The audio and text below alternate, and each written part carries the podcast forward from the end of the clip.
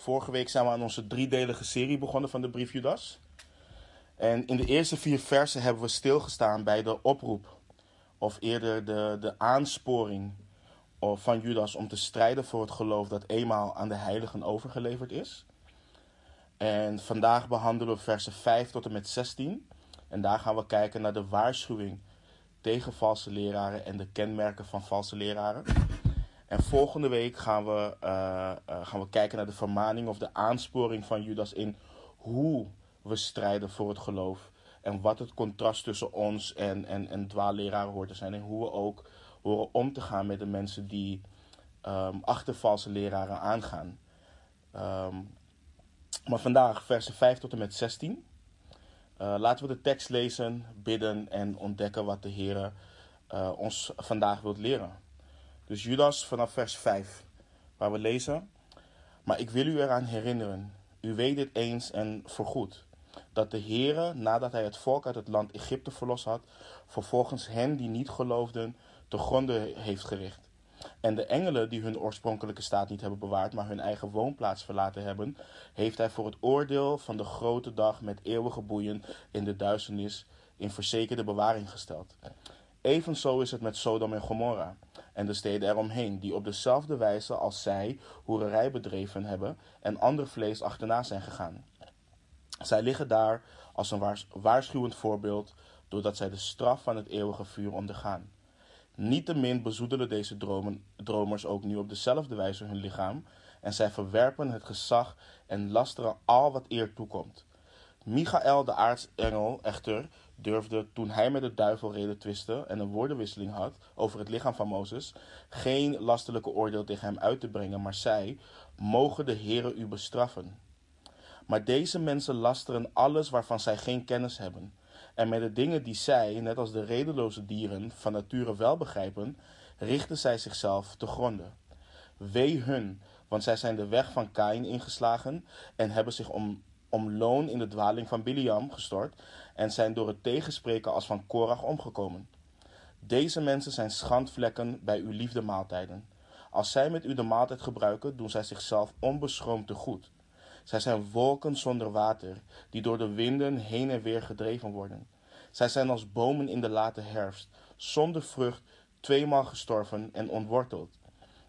Zij zijn wilde golven van de zee, die hun eigen schandaden opschuimen, dwaalsterren, voor wie de diepste duisternis tot in eeuwigheid bewaard wordt. Ook over hen heeft Henoch, de zevende vanaf Adam, geprofeteerd toen hij zei: Zie, de Heere is gekomen met zijn tienduizenden heiligen om over allen het oordeel te vellen en alle goddelozen onder hen terecht te wijzen voor al hun goddeloze daden die zij op goddeloze wijze bedreven hebben en voor al de harde woorden die zij, goddeloze zondaars, tegen hem gesproken hebben. Zij zijn het die morren, die klagen over hun lot, die naar hun eigen begeerten wandelen. Hun mond spreekt hoogdravende woorden, terwijl zij mensen naar de ogen zien ter wille van voordeel. Laten we bidden. Hemelse Vader, Heer, we zijn u dankbaar voor wie u bent. We zijn u dankbaar voor, um, voor vandaag, voor deze ochtend. Heer, dat we op deze manier weer digitaal samen kunnen komen. Vader, we bidden voor open harten, um, dat u afleiding bij ons vandaan neemt. Als we verdriet hebben, dat u verdriet bij ons vandaan neemt. Boosheid, noem maar op, Heer, dat u dat bij ons wegneemt. En dat wij ons in, in hart en geest um, kunnen richten op u, Heer. Heer, geef ons vandaag een openbaring van U. Heer, U weet wat er in ons hart leeft. U weet of wij uh, vermaning nodig hebben, bemoediging, uh, wat dan ook. Heer, U weet het. En ik bid dat U een groot werk in ons doet, dat U ons vervult met Uw geest. En dat U deze, deze, dit stuk tekst gebruikt om ons op te voeden, om ons te verbeteren, om ons toe te rusten, Heer. In hetgeen waartoe U ons vandaag geroepen hebt, Heer. Of in, in ons leven geroepen hebt. We loven en prijzen uw naam en um, zien uit naar wat u gaat doen en gaat vertellen. In de machtige naam van onze Heer Jezus Christus. Amen. Um, nou, zoals ik al opende, hebben we vorige week de eerste vier versen van de brief behandeld. En we hebben gekeken naar hoe Judas zichzelf voorstelde als, als dienstknecht, als slaaf, als een doelos van Christus. We hebben gekeken naar een prachtige beschrijving of omschrijving van Judas uh, over de volgeling van Jezus Christus. Uh, hij schreef dat ze geroepen zijn Judas schreef dat een kind van God geroepen is door God.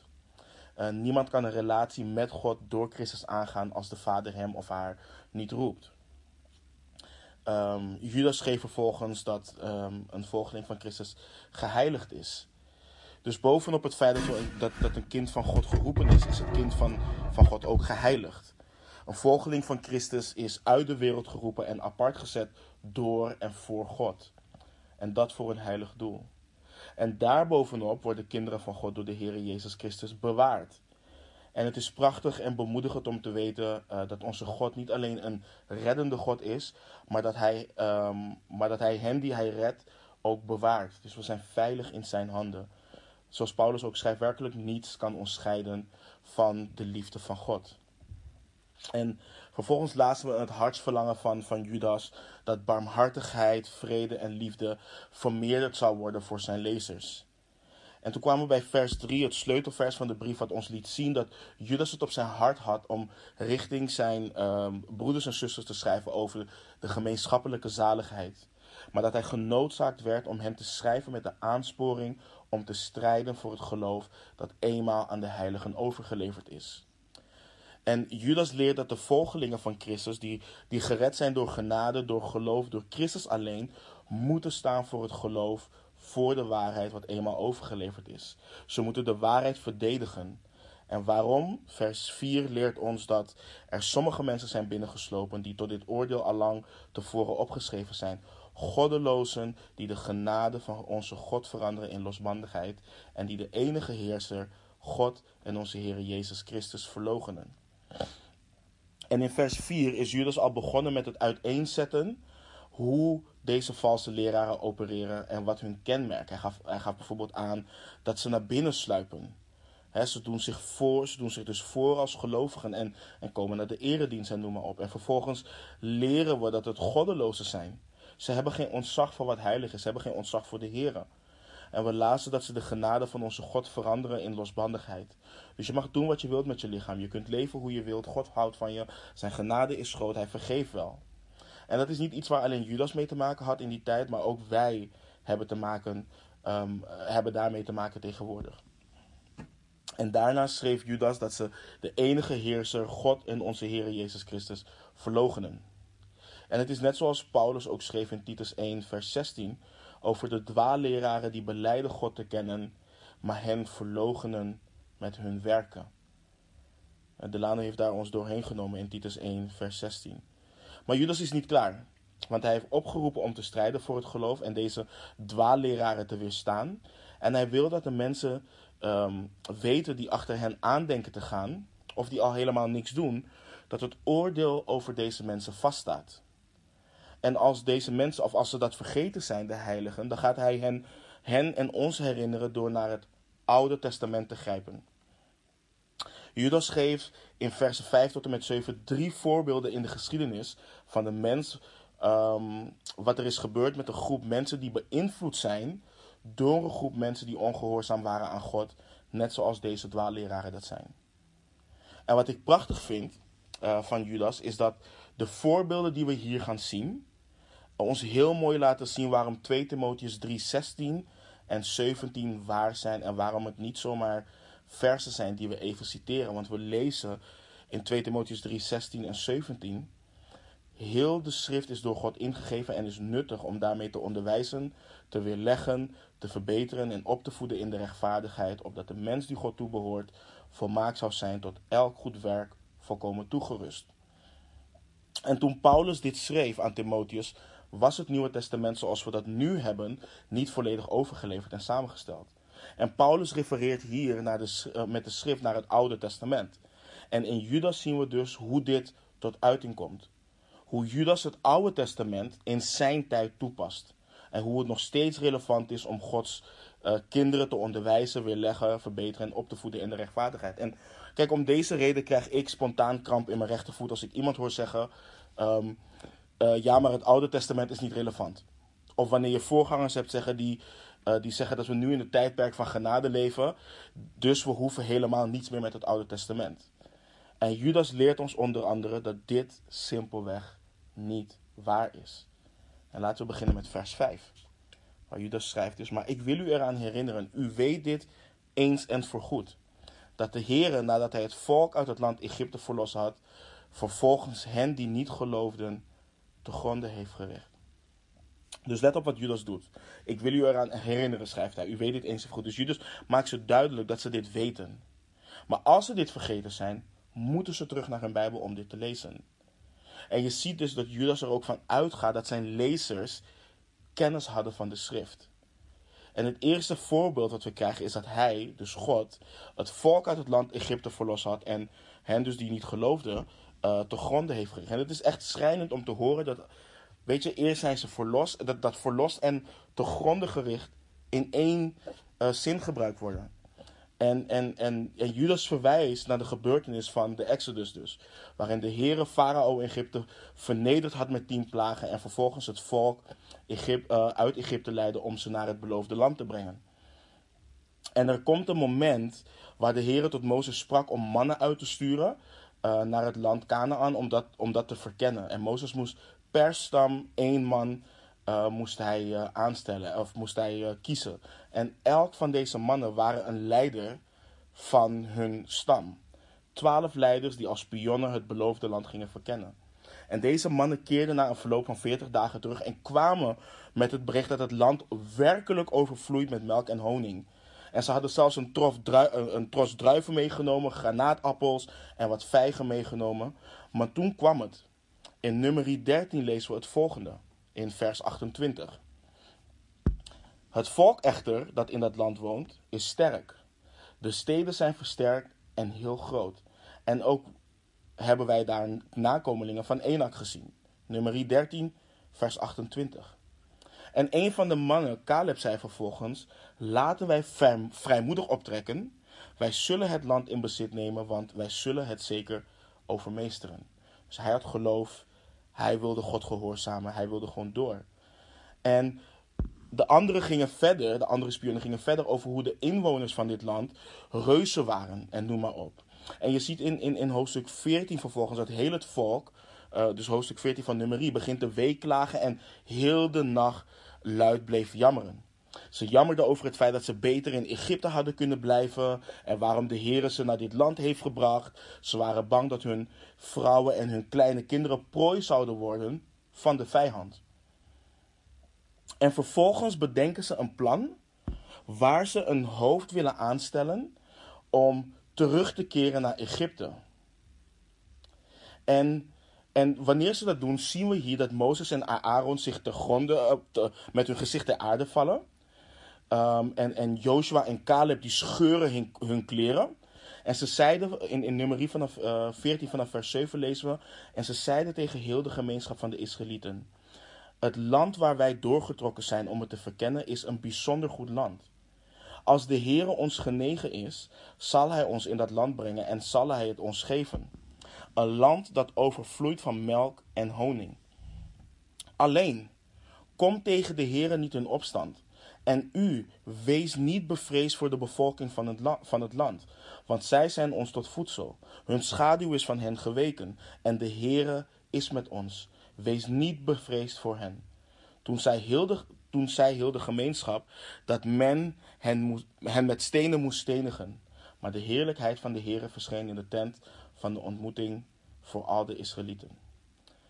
En vervolgens is de Heere, als we het even zo mogen zetten, is, zeggen, is hij, is hij het zat.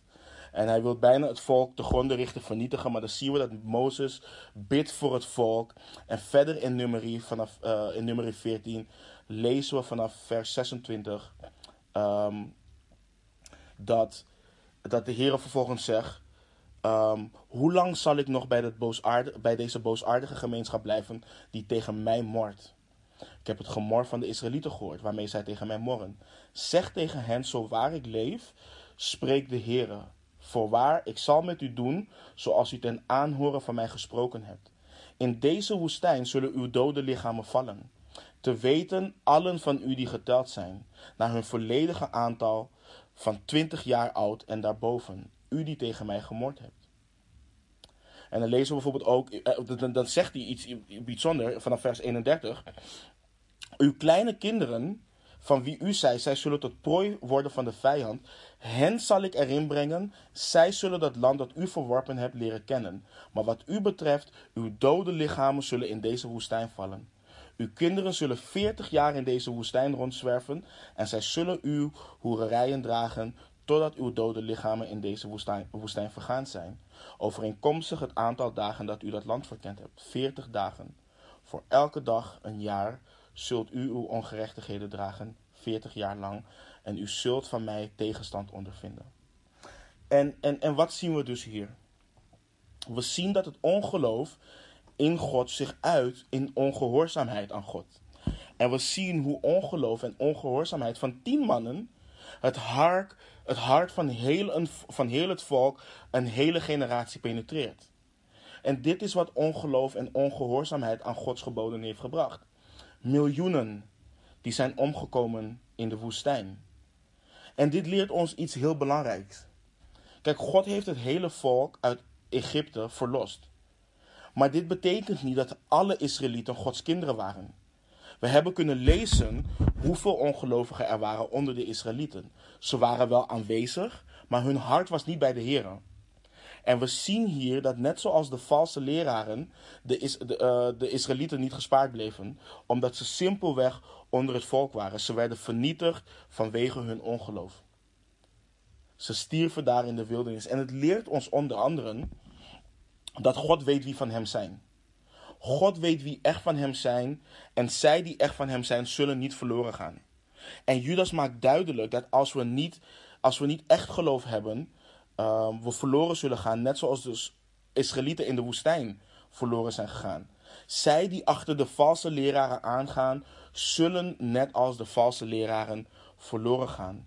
Want achter die valse leraren aangaan, uit zich altijd in ongehoorzaamheid, omdat zij niet de waarheid verkondigen. En we moeten onszelf dus altijd afvragen. Het is een hele belangrijke vraag. Naar wie luisteren we? Valse leraren zeggen dat Gods woord niet betrouwbaar is.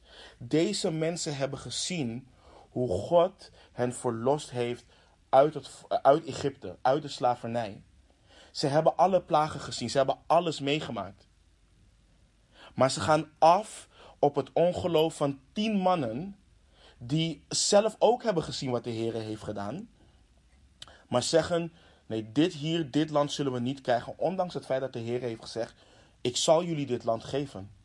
Jullie zullen dit land ontvangen. Jullie zullen het krijgen. Dus onze vraag is naar, naar wie luisteren? Luisteren we naar God en zijn woord? Of luisteren we naar mensen? En wat zien we ook heel vaak? Tien, het waren tien tegen twee.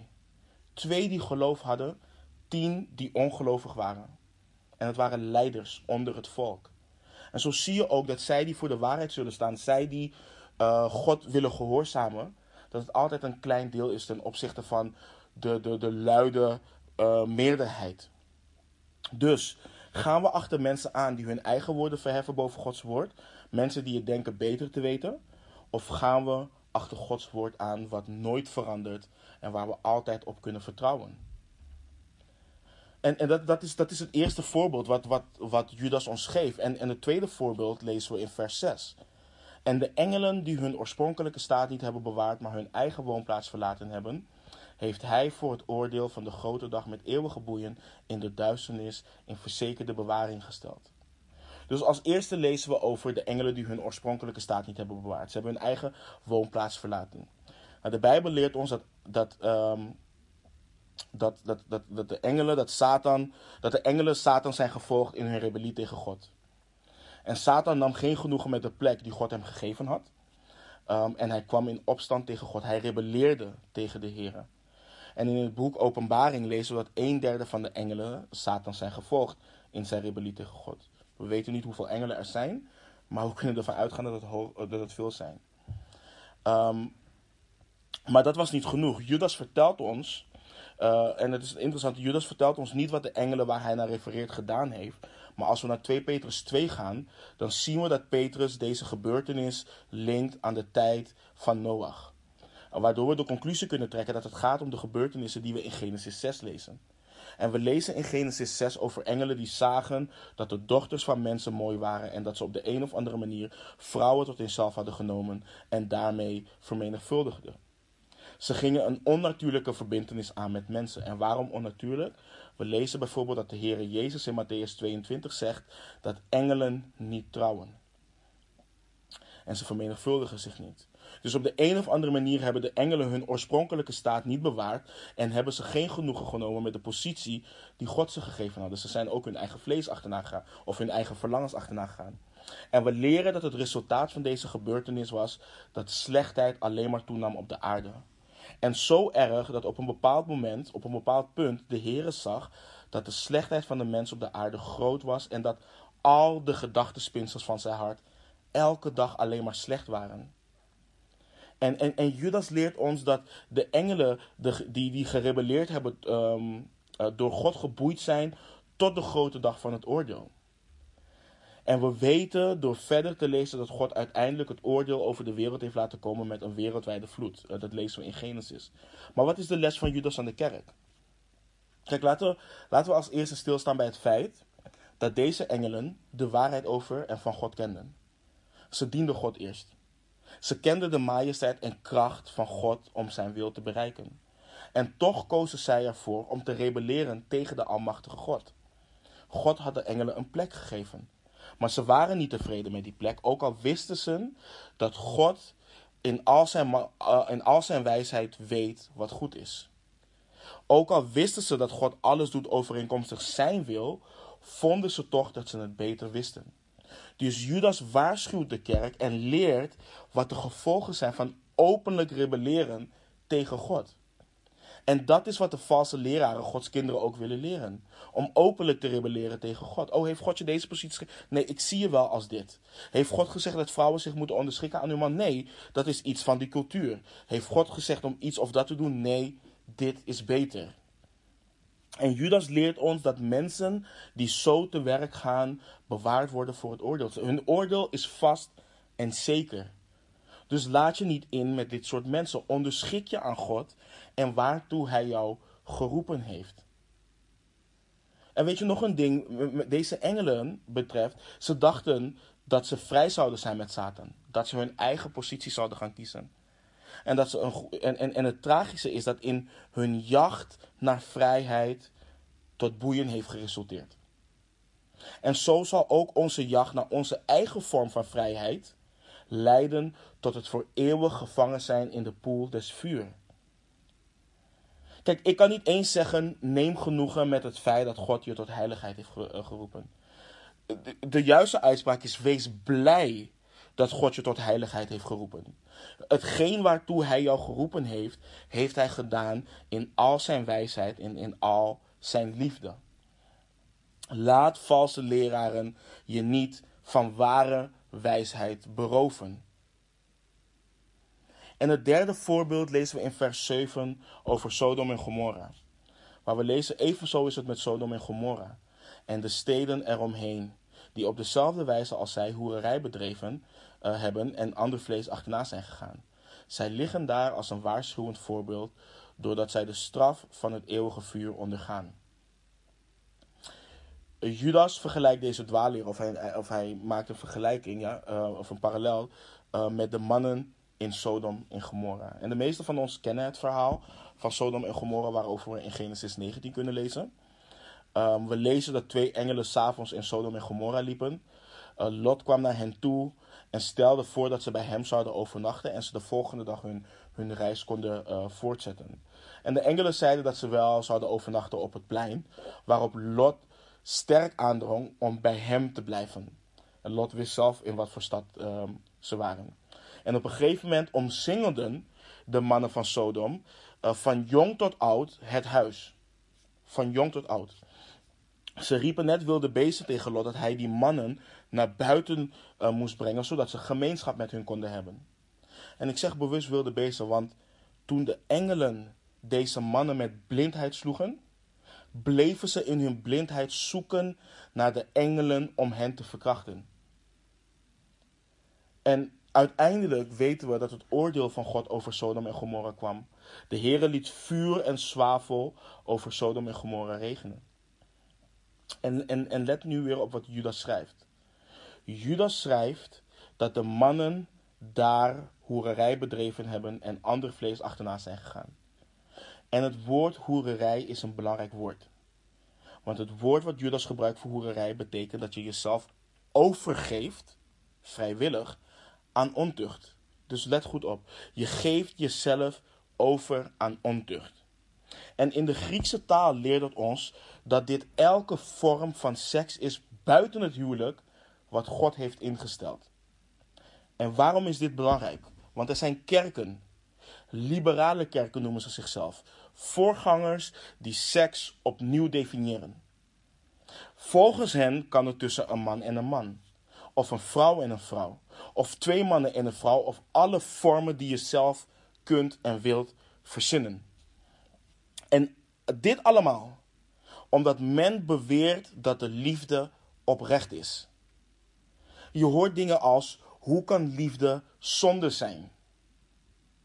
En deze mensen doen alsof God ons de brief Judas niet gegeven heeft, waarin we waarschuwing na waarschuwing krijgen over dit soort praktijken.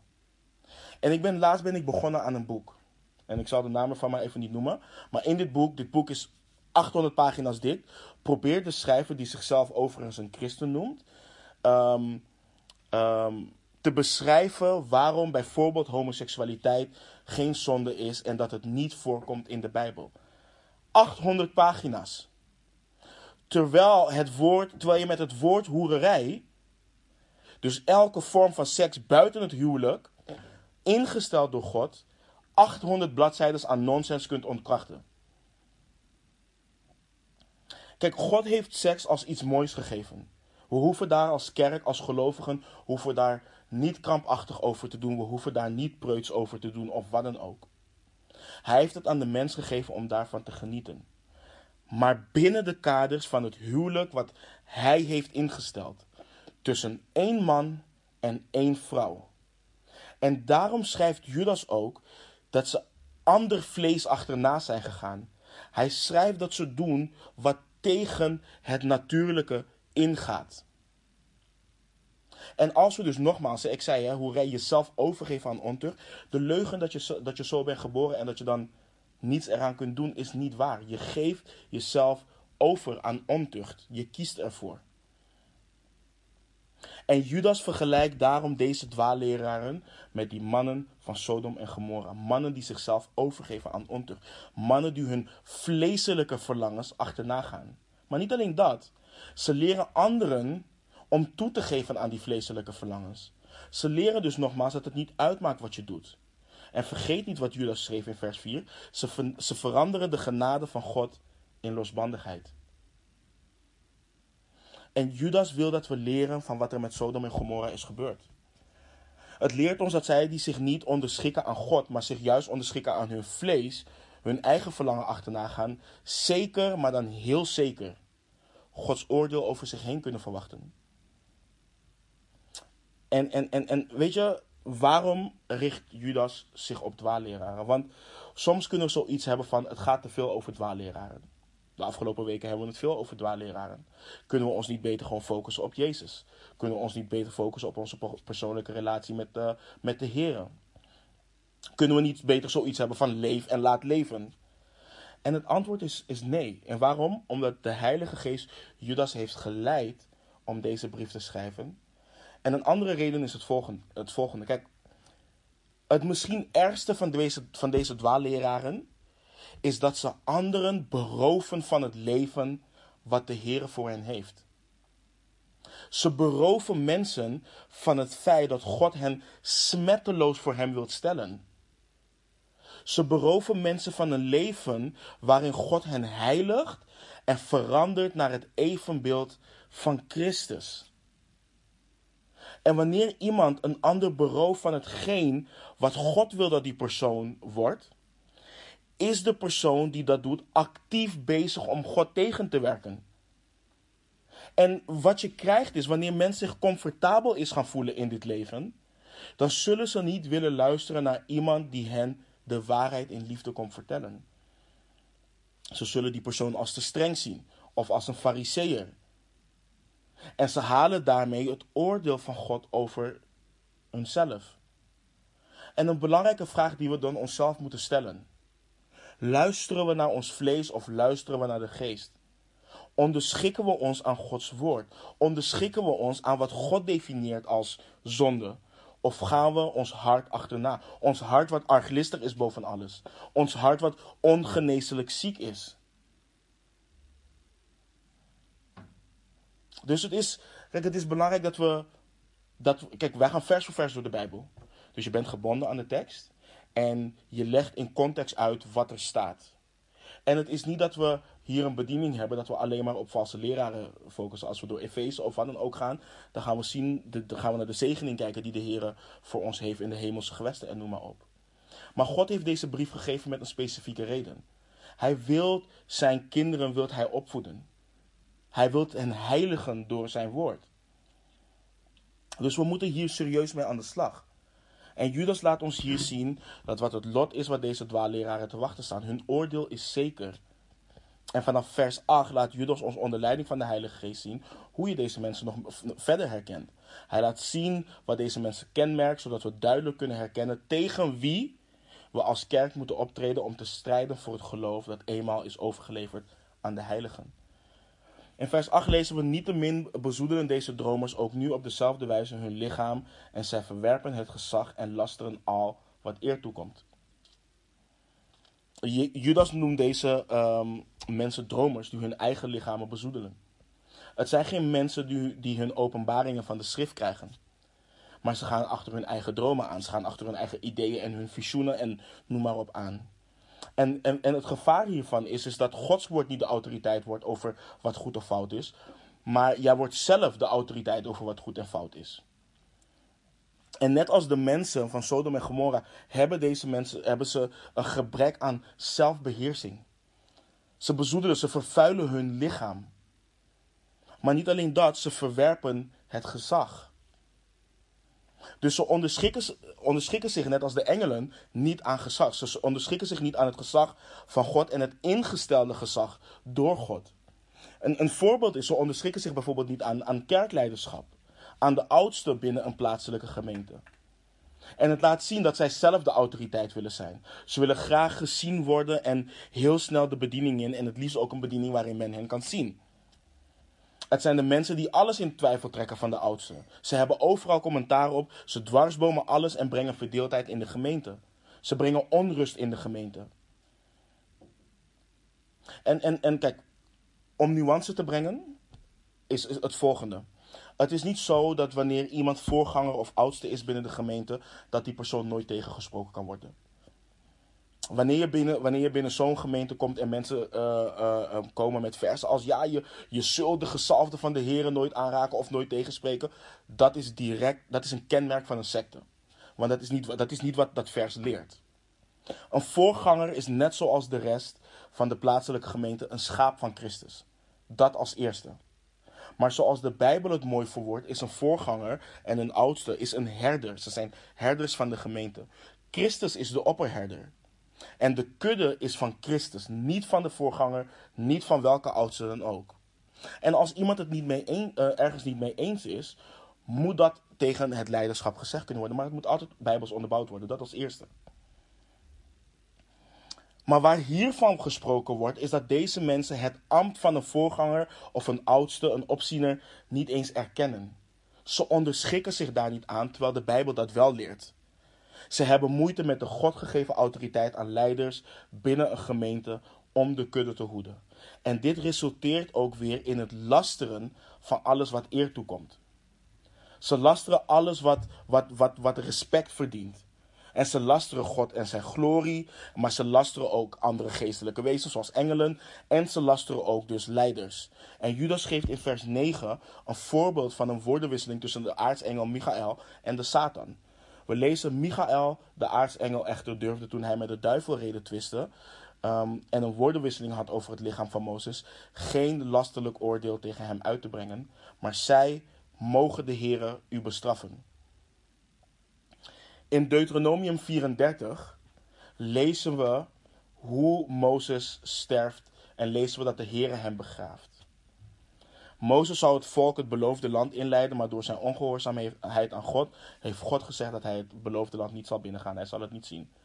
En hier in Judas kunnen we de conclusie trekken dat de Heere de aartsengel Michael de opdracht heeft gegeven om het lichaam van Mozes te begraven. Een, een, een leuk weetje voor, voor, voor, voor de, de Bijbelnerds onder ons. Um, Michael is de enige aartsengel die is genoemd in de Bijbel, of die wordt genoemd in de Bijbel. Op de een of andere manier noemt men Gabriel een aartsengel, maar we lezen daar niets over in de Bijbel. Um, maar Michael had de opdracht om het lichaam van Mozes te begraven. En God had hem deze autoriteit gegeven. En ergens belanden Michael en Satan in een woordenwisseling. En strijd over het lichaam van Mozes. En dit voorbeeld komen overigens, of dit, dit, dit verhaal komen overigens niet in de Bijbel tegen. En men gaat ervan uit dat dit komt van een buitenbijbelse bron, wat de hemelvaart van Mozes wordt genoemd. En het zou een, een bekend werk onder de Joden zijn. En hetzelfde geldt voor wat Judas zo over, over hemel gaat citeren, waar we zo op ingaan. En we weten niet wat de duivel met het lichaam van Mozes wilde. Veel mensen speculeren daarover. We hoeven dat niet te doen, want het staat er niet. Maar wat we hieruit kunnen leren is het volgende. Eén ding weten we zeker: Michael is veel sterker dan de Satan. En dat kunnen we lezen in het boek Openbaring.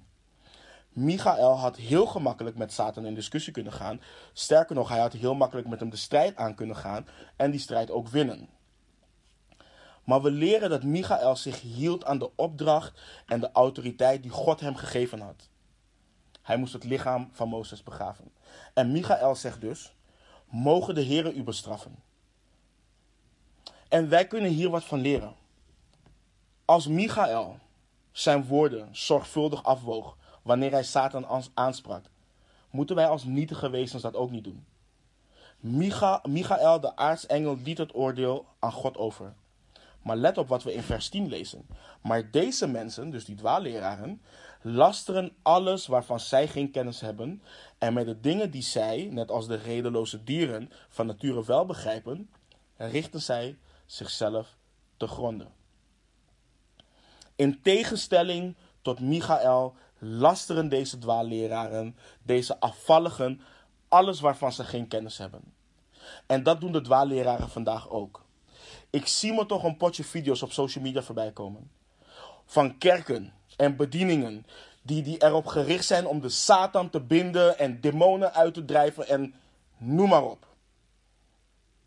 Om als sensatiezoekers op zoek te gaan naar waar de eerste, de beste demon te vinden is, die ze kunnen binden en in, in, de, in, in, in de afgrond kunnen sturen in de naam van Jezus.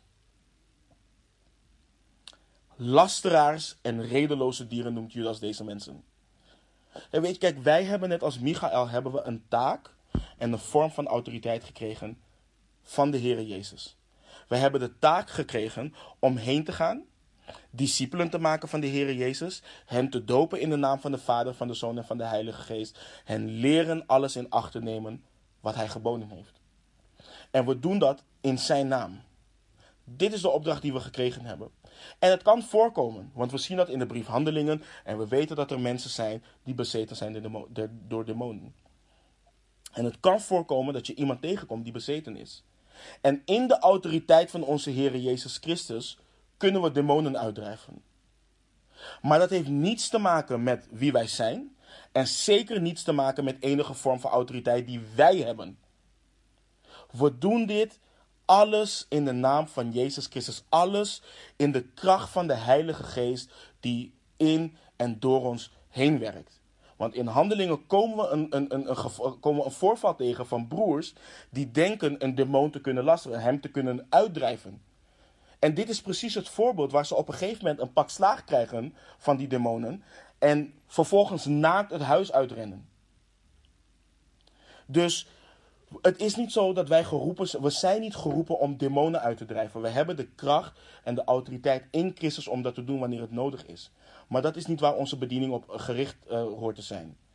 En, en, Judas leert ons deze dwaalleraar die doet dat. Ze lasteren de Vader, de Zoon, de Geest. Ze lasteren demonen en engelen. En ze gaan tekeer als beesten tijdens de diensten. Niet wetende dat ze zelf instrumenten zijn in de, in de handen van Satan. Ze zijn niet bekend met het geestelijke. Ze zijn bekend met de vleeselijke dingen, het natuurlijke. Ze gaan af op wat ze zien. En ze maken zichzelf en anderen helemaal kapot.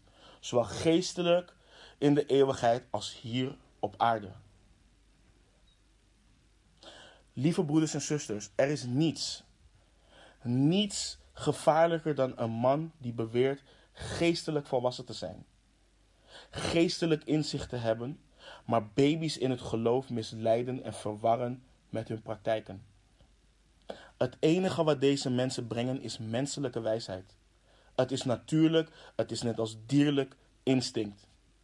Het is kennis die niet voortkomt uit studie, studie of onderwerping aan het gezag van God. En dus worden de jonggelovigen zonder onderscheidingsvermogen, die honger hebben naar geestelijke waarheid, meegezogen in het ontvangen van kennis die alleen het vlees kan voeden. Want wat zie je vaak bij deze mensen? Dat ze leven naar hun vlees, dat ze leven in zonde, maar ondertussen zijn ze bezig met het binden van de Satan en demonen en noem maar op. En kijk wat Judas schrijft in vers 11. Wee hun. Want ze zijn de weg van Kain ingeslagen en hebben zich om loon in de dwaling van Biliam gestort en zijn door het tegenspreken als van Korach omgekomen. Judas geeft ons weer drie voorbeelden of drie kenmerken van hoe ze te werk gaan. We hoeven niks achter, het, achter drie te zoeken, want later gaat hij vier voorbeelden geven. Dus Judas schrijft over de weg van, Korach, van Kain, de dwaling van Biliam en het tegenspreken van Korach. Het verhaal van Kain, daar zijn we in 1 Johannes al op ingegaan. Maar daar hebben we vooral gekeken naar de moord van Kain op zijn broer. En Judas legt hier de nadruk op het feit dat Kain zelf deed wat hij wilde. We lezen in Genesis 4 dat Kain en Abel God een offer brachten.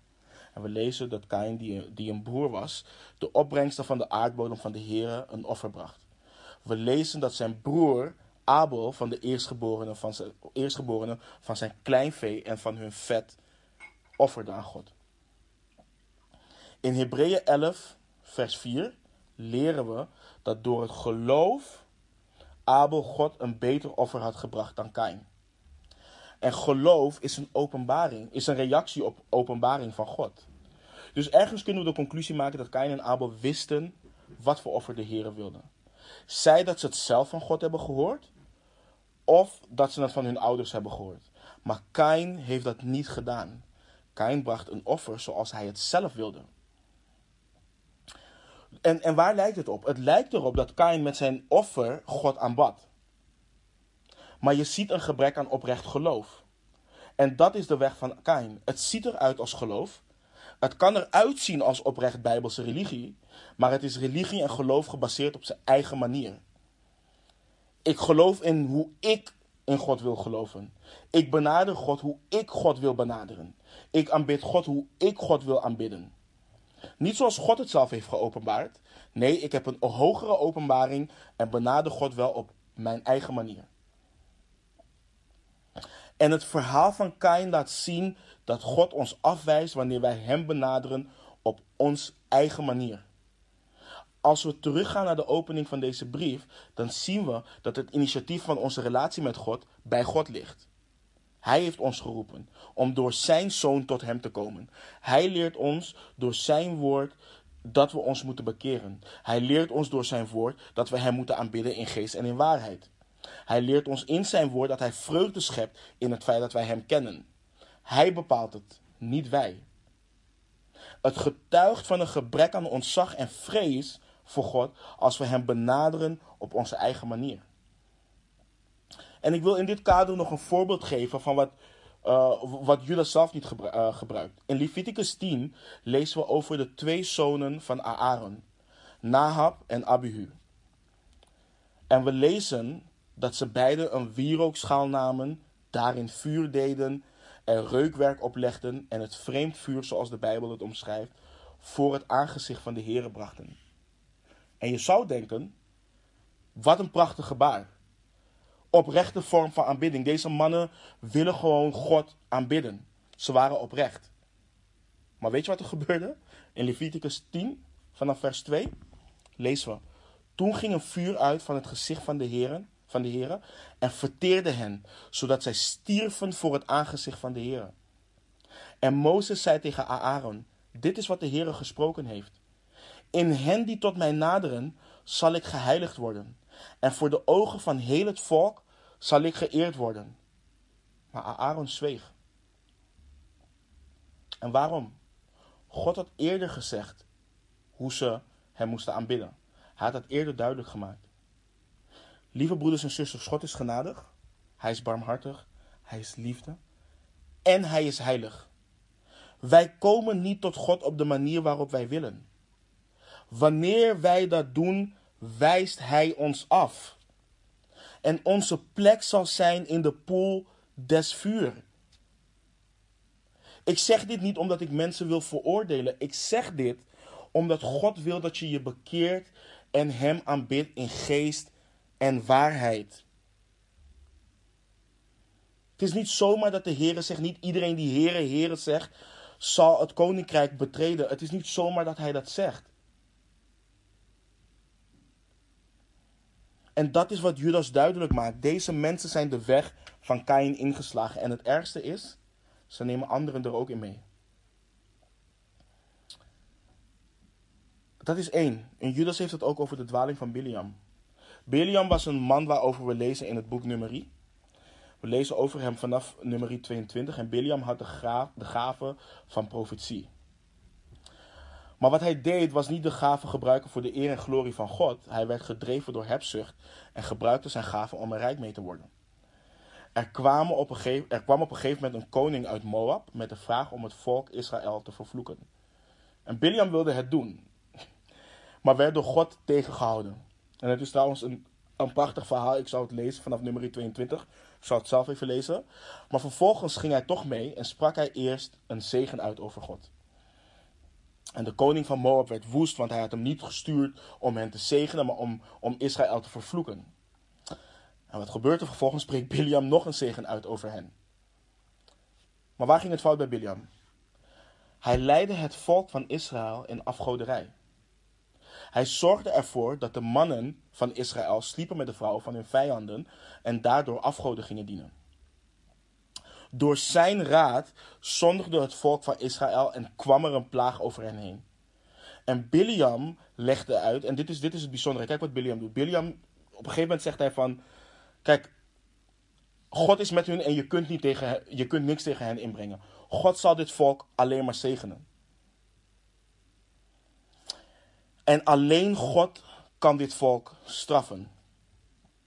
En hij zei in feite dit dat God een liefdevolle en barmhartige God is, maar dat hij ook een jaloers God is. Dus als je Israël onder de bescherming van God wilt halen, dan moet je ervoor zorgen dat ze zondigen tegen God. Je moet ervoor zorgen dat ze afgoden gaan dienen. En dat is wat hun uiteindelijk, wat uiteindelijk de ondergang van een, van een hoop mensen is geweest, of van een hoop Israëlieten. En wat zien we? Biliam was een ontrouwe profeet. Hij was een valse profeet. Hij sprak alleen de zegen uit over Israël, omdat hij niets anders kon. Hij werd ertoe gedwongen door God. En Biliam hield meer van geld dan van de waarheid. Hij werd gedreven door hebzucht. En dat zie je vandaag de dag ook bij veel van deze zogenaamde profeten, die geen profeten zijn van God. Ze worden verteerd door hebzucht. En Judas gebruikt Biliam als een oud-testamentisch parallel van de afvalligen die niet alleen de leer verdraaien, maar ook mensen tot zonde leiden. En we zien dat God niet alleen dealt met Biliam, maar ook met de mensen die, daar, die naar hem luisteren en hem achterna gaan. Hetzelfde geldt dus ook voor die dwaalleraren. Want wat is het? Wanneer, ze, wanneer die dwaalleraren uiteindelijk zeg, zeggen stort 5 euro en God zal het vermenigvuldigen en je krijgt 10 euro of je krijgt 100 euro of noem maar op. Het, het ding is niet dat ze God willen, ze willen God voor het geld. Dus uiteindelijk willen ze geld. Ze dienen net als die hebzuchtige leraar, dienen ze geld. Dat is wat ze willen. En, en het is afgoderij en daar straft God hun voor. Voor de hebzucht die leidt tot afgoderij. En het derde voorbeeld wat Judas gebruikt is het tegenspreken als van Korach. In nummer 16 komen we uh, Korach en Leviet tegen. Korach kwam samen met 250 mannen uit uh, Israël in opstand tegen Mozes en Aaron. En deze groep dus Korach en die mannen, waren leiders van de gemeenschap. Het waren mannen die aanzien hadden bij het volk. En ze komen naar Mozes en Aaron toe met de klacht dat Mozes te veel naar zichzelf toe trekt. Ze vonden dat Mozes en Aaron zich verhieven, uh, ze zichzelf hadden verheven boven het volk. En we hadden het net al over dit soort mensen. Ze accepteren het door God gestelde uh, leiderschap niet. Maar ze accepteren de positie die ze zelf van God hebben gekregen ook niet. Ze waren niet tevreden met die positie. Ze wilden de positie van Mozes en Aaron. En wat gebeurde er na deze opstand? De aarde onder hen ging open. En Korach en, en, en de gezinnen en al hun bezittingen zijn opgeslokt. En de volgende dag, wat gebeurde er? Morde het volk tegen Mozes en zond God een plaag over het volk. En door het werk van Korach stierven er 14.700 Israëlieten. En Judas gebruikt dit als voorbeeld om te laten weten dat dit is wat de dwaalleraren staat te wachten. En zij die achter hen aangaan. Kijk, uiteindelijk rebelleer je niet tegen de leiders. Maar je rebelleert tegen de God die de leiders heeft ingesteld. En deze voorbeelden leren ons dat God hierover zal oordelen. God wil orde in de gemeente. En hij roept mensen om die orde te brengen. En nu, nu Judas klaar is met oud-testamentische voorbeelden, gaat hij verder met een omschrijving van de dwaalleraren vanaf vers 12. Hij schrijft: Deze mensen zijn schandvlekken bij uw eh, liefdemaaltijden. Als zij met u de maaltijd gebruiken, doen zij zichzelf onbeschroomd te goed. Zij zijn wolken zonder water, die door de winden heen en weer gedreven worden. Zij zijn als bomen in de late herfst, zonder vrucht, tweemaal gestorven en ontworteld. Zij zijn wilde golven van de zee die hun eigen schandaden opschuimen, uh, hun eigen schandaden opschuimen. Dwaalsterren voor wie de diepste duisternis tot in eeuwigheid bewaard wordt. Hij noemt deze dwaalleraren als eerste schandvlekken bij de, maaltijd, bij de liefdemaaltijden. En je kunt de liefdemaaltijden voor de mensen die um, naar onze gemeente gaan of naar de gemeente gaan of onderdeel zijn van de gemeente, zien als wat wij altijd na de dienst hebben. We hebben altijd eten na de dienst, dat we altijd samen kunnen eten. En de eerste zondag van de maand hebben we altijd um, fellowship waar iedereen iets maakt en dat na de dienst meeneemt. En in die tijd was het vooral iets wat gedaan werd om te voorzien in de noden uh, van hen die het minder breed hadden. Dit deden zij dagelijks. Maar deze dwaalleraren die hielden daar geen rekening mee. Ze dachten aan niemand anders dan henzelf en aten zichzelf gewoon helemaal rond. Het was niet meer gericht op de liefde voor elkaar en voor de anderen. Nee, het was gewoon een gratis buffet in hun ogen waar ze zichzelf gewoon konden voorproppen. Veel vraten noemt de Bijbel dit. En vervolgens noemt hij hen wolken zonder water. Die door de winden heen en weer gedreven worden. Ze zijn leeg. Ze hebben niets te bieden. Ze beloven veel, maar uiteindelijk blijkt, blijft er helemaal niets van die belofte over. En dat zie je ook met die welvaartspredikers waar ik het net over had. Die, uh, of mensen die een tiende eisen van de, van de gemeente. Als je dit geeft, dan zal God het verdubbelen. Als je dit doet, dan zal God je zegenen. En wat er uiteindelijk gebeurt is dat de deurwaarde voor je deur staat. En de voorganger of de welvaartprediker in zijn Lamborghini voorbij rijdt. En een zegen over je uitroept terwijl, je, um, uh, terwijl de deurwaarde je huis leeg haalt. Omdat je 100.000 euro aan de gemeente hebt gegeven. En het ding is, ze kunnen hun beloften niet waarmaken. Waarom niet? Want het zijn geen mensen van God. Die beloften komen niet van God. Het zijn geen Godvrezende mensen. Want als het Godvrezende mensen waren, dan wisten ze dat God zijn belofte wel nakomt. En dan zouden ze de dingen die God belooft in context uitleggen. In plaats van zeggen dat God je geneest van alle ziekten, kun je in context uitleggen dat de ziekte waarvan je genezen moet worden de zonde is. In plaats van zeggen dat God je rijk wilt maken hier op aarde, kun je uitleggen in context dat God ons gezegend heeft met alle zegeningen in de hemelse gewesten. En dat onze schatten in de hemel zijn. Beloof ze het levend water waar de Heere Jezus over praat, wat Hij belooft. Want Hij komt zijn belofte na. Maar deze dwaalleraren niet. Het zijn lege wolken wolken zonder regen, regen om de aarde te bevochtigen en uh, verkoeling en verfrissing te bieden. Dat is niet wat zij doen. En Judas zegt ook dat ze als bomen zijn in de late herfst, zonder vrucht, tweemaal gestorven en ontworteld. En wat zegt Judas hier? Ze dragen geen vrucht. En de Heere Jezus zei dat we zijn volgelingen aan hun vruchten zullen herkennen. Maar deze dwaalleraren dragen totaal geen vrucht. Je ziet ze niet groeien in liefde. Je ziet ze niet groeien in blijdschap, vrede, geduld, vriendelijkheid, goedheid, geloof, zachtmoedigheid, zelfbeheersing. Al die dingen ontbreken. Het enige waar ze zich schuldig aan blijven maken zijn de werken van het vlees, wat we in Galaten 5:19 tot en met 21 lezen. Ze worden niet veranderd naar het evenbeeld van Christus. Ze groeien niet in heiligheid. En omdat ze dat niet doen, zijn ze ook niet staat om anderen naar de Heer te brengen en om, die, die ze ook kunnen groeien in, in heiligheid. Want dat wat ze zaaien is ook wat er geoogst zal worden. En dat wat ze zullen oogsten is dood. Want Judas zegt over henzelf dat ze gestorven zijn. Ze zijn geestelijk al dood. Weet je, wij, wij onderwijzen de Bijbel op deze manier omdat we mensen op Christus willen wijzen. Omdat wij niet in staat zijn, wij zijn zelf niet in staat om vruchten in mensen te produceren. Het is alleen God die dit kan doen door het werk van de Heilige Geest die Gods woord in ons leven toepast. En deze mensen zaaien alleen of oogsten alleen maar dood. Want wat ze doen is, ze onderwijzen, ze onderwijzen mensen vanuit hun vlees. En wat mensen uiteindelijk zullen doen is ook groeien in hun werken vanuit het vlees. Judas zegt vervolgens, ze zijn, wilde golven uh, van de zee, die hun eigen schandaden opschuimen. En Judas citeert uh, Jesaja 57, uh, vers 20.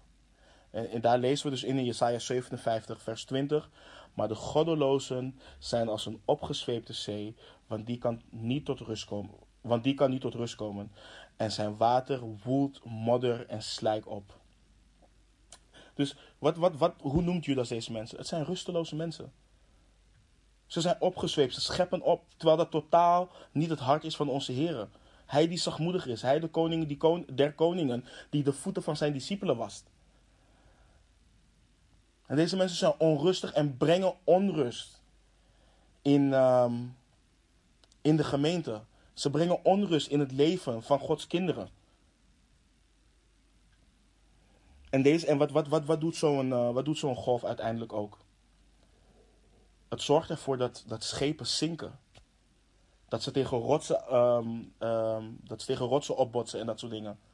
En dat is precies wat de leer van deze mensen doet. Het zorgt ervoor dat ze schipbreuk lijden in hun geloof. En Judas zegt het zijn dwaalsterren, voor wie, de, voor wie de diepste duisternis tot in eeuwigheid bewaard wordt. En, en Judas bedoelt daarmee dat het, dat het uh, net een vallende ster is. En, en wat is het met een vallende ster? Het lijkt heel indrukwekkend wanneer we het zien. En je ziet voor een kort moment zie je veel licht, maar vervolgens is het weg.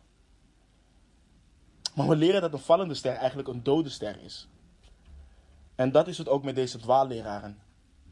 Ze lijken licht te geven, ze lijken fel te schijnen, maar uiteindelijk zul je zien dat het van korte duur is, want ze kunnen niet brengen wat ze beloven. En je ziet dus dat het dooft uiteindelijk. En wanneer je achter het licht bent aangegaan, dan zul je zien dat je duisternis bent achterna gegaan.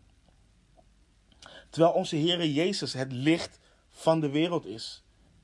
Het licht wat de duisternis niet kan grijpen. Het licht wat nooit uitgaat. En dat alle mensen wilt verlichten. Daarom, daarom kunnen we en moeten we alleen luisteren naar mensen die God daadwerkelijk heeft geroepen om mensen op Christus te wijzen. En na deze omschrijving van, van deze valse leraren gaat Judas een voor de Joden een populair boek citeren over het oordeel van deze dwaalleraren. We lezen vanaf vers 14, ook over hen heeft Henoch, de, uh, de zevende van Adam, geprofiteerd toen hij zei, zie, de Heere is gekomen met zijn tienduizenden heiligen om over allen het oordeel te vellen en alle goddelozen onder hen terecht te wijzen voor al hun goddeloze daden die zij op goddeloze wijze bedreven hebben en voor al de harde woorden die zij goddeloze zondags tegen hem hebben gesproken. Ik hoop dat het jullie opvalt hoe vaak het woord goddeloze alleen in één zin voorkomt. Judas is niet onder de indruk van deze mensen.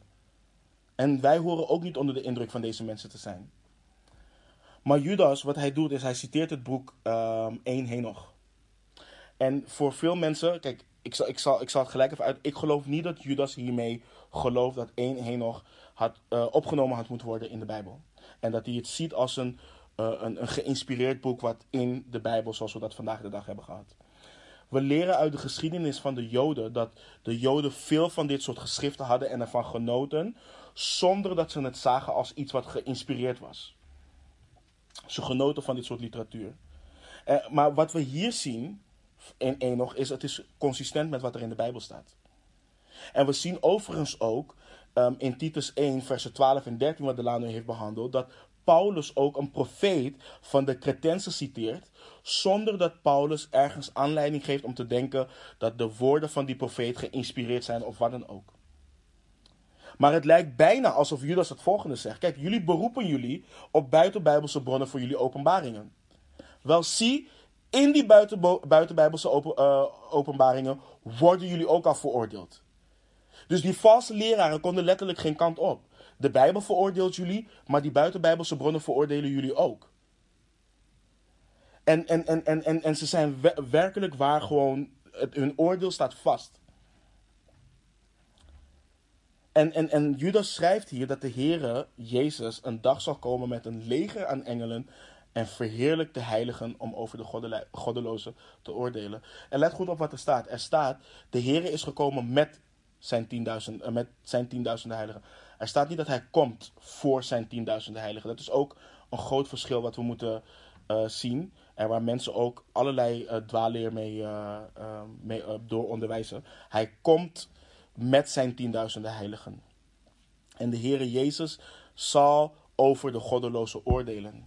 En ieder die de Heere heeft verlogen, zal de toorn van God over zich heen krijgen. Voor de goddeloze daden en woorden die zij gesproken hebben. Want Judas schrijft in, in vers 16, of in het vers, dat ze hun woorden alleen maar gebruiken om te klagen en zichzelf op te hemelen bij anderen. In vers 16. Zij zijn het die morren, die klagen over hun lot, die naar hun eigen begeerte wandelen. Hun mond spreekt hoogdravende woorden, terwijl zij mensen naar de ogen zien ter wille van voordeel.